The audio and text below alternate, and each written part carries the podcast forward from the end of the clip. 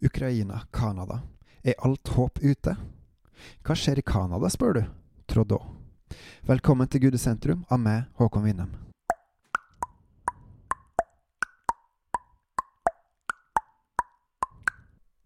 Så hva skjer i Canada, spør du? Mye. Og det her er et resultat av at landet har forlatt Gud. Bare se hva som skjedde i Israel i GT når det forlot Gud. Gjennom utvandringa til Amerika var det mange troende som dro over Atlanteren, eller som kom til tro etter at de var kommet fram. Også i Canada er det gjort mye forferdelig mot urbefolkninga der, noe av de katolske massegravene som dukker opp én etter én i disse tider, forteller. Dette er helt forferdelig og fortjener straff. Samtidig, siden koloniseringa har Canada lenge vært et land som har fulgt Gud. Et land kan selvfølgelig ikke tru, men menneskene som styrer der, på vegne av folket, har valgt å legge Gud til grunn i lovgivninga i landet, og la Han være i grunnfjellet i oppbygginga av landet. Slikt velsigner Gud, men slik er det ikke lenger. Trodå, hva er det med han? For en måned siden starta Freedom Conway i Canada, en bevegelse som etter hvert har vokst seg større enn hva som var tiltenkt, både i Canada og i andre land verden rundt. Og media skriver ingenting om det. Det er skremmende. Trudeau er statsministeren i Canada, og de siste ukene har han gått fram på en svært udemokratisk måte i landet, og splitter Canada. Jeg har langt ifra full oversikt på hva som skjer, men slik jeg forstår det, har han valgt å bruke alle midler for å få stoppa demonstrasjonen, og da aktivisert den såkalte terrorlovgivninga mot sitt eget folk. Kanskje vinner han kampen eh, mot eh, Freedom Conway, men han splitter og ødelegger sitt eget land. Det vil si, det er jo ikke hans land, men han har valgt til å lede landet Canada, og bruke da politiet, bankvesenet og rettsvesenet, for å nevne noe, til å slå ned på de som er hans motstandere. De protesterer på demokratisk vis, han med sine på antidemokratisk vis. Det her minner meg om kong Salomo, Davids sønn i Israel ca. 1000 år før Kristus. Han fulgte Gud da han var konge i sine yngre dager, men mot slutten av livet sitt fulgte han også konene sine guder, og forlot den eneste sanne Gud, Herren Gud. Dette fortjener straff, på grunn av ulydighet og urettferdighet som førte til mer ondskap og urettferdighet.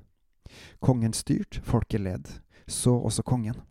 Det som starta så godt med at Gud velsigna kong Salomo med, Salomo med all visdom, guddommelig visdom som overgår jordisk visdom, ble etter hvert brukt til egen vinning i møte med de jordiske utfordringene og gledene.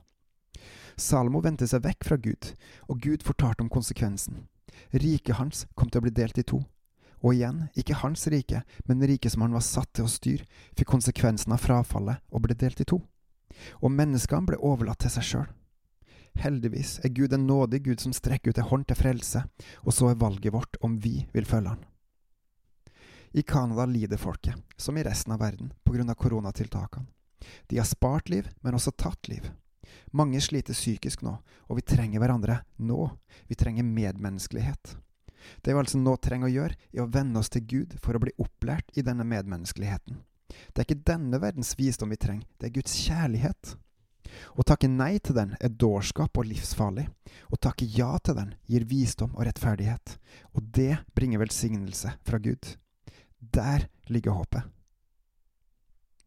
Trodå, Salamo, Jørgen Hattemaker og folkene der har i majoriteten vendt seg vekk fra Gud og lider. Den som fornekter Gud, fornektes av Gud. Da må man klare seg på egen hånd. Da blir man uten Gud og andre makter regjere. Ønsker man at Gud skal regjere og høste av Guds velsignelser, må man spørre seg hva kan jeg gjøre? Egentlig er spørsmålet feil, for egentlig er spørsmålet hva vi, Guds folk, kan gjøre.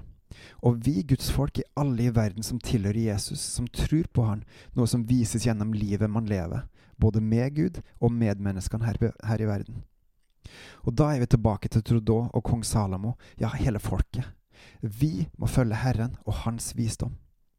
Dette gjelder alle i hele verden, ja, til og med alle tider, og det her er Guds plan, at alle skal bli frelst gjennom Guds visdom, kjærligheten, Guds sønn, Jesus. Kun i Han finnes frelse, kun i Han finnes den sanne barmhjertighet, glede, trofasthet og allmakt. Han lover oss ikke fred på jord, men i Hans rike. Skal vi få tak i denne og bringe den med oss inn i denne verden, må vi, hans folk, være med han i hans rike for å få opplæring. B. elsk han, les i Bibelen, lytt til Hans ånd, og sammenvoks med søsken gjennom formaning og oppbygging. Vi må jobbe for føden, for Guds visdom, for da blir den vår. Da eier vi den og kan naturlig bruke og dele den i denne jordiske verden. Da kan andre se at vi elsker hverandre, våre brødre. Og de fattige, svake, lamme, uføre, det fremmede, farløse, enka, nakne, sulte, fengslede, utstøtte og de som lider nød, f.eks. i Ukraina eller Canada. Da bryr vi oss og engasjerer oss i Guds visdom med Guds visdom. For det er jo det Jesus også gjør. For han vil at alle mennesker skal bli frelst. For det er evig godt, det gir evig liv. Oppdraget og ansvaret vårt, vi som følger han, er å hjelpe til i det her. Da må vi jobbe. Se til Canada for å lære, lære av andres feil, slik at det samme ikke skjer her. Men se også til Canada, eller Norge for samme saks skyld, for når vi fulgte han, fulgte velsignelsene med, og vi var trygge i hans hender. Derfor, bebels, arbeid gjennom bels. På gjenhør.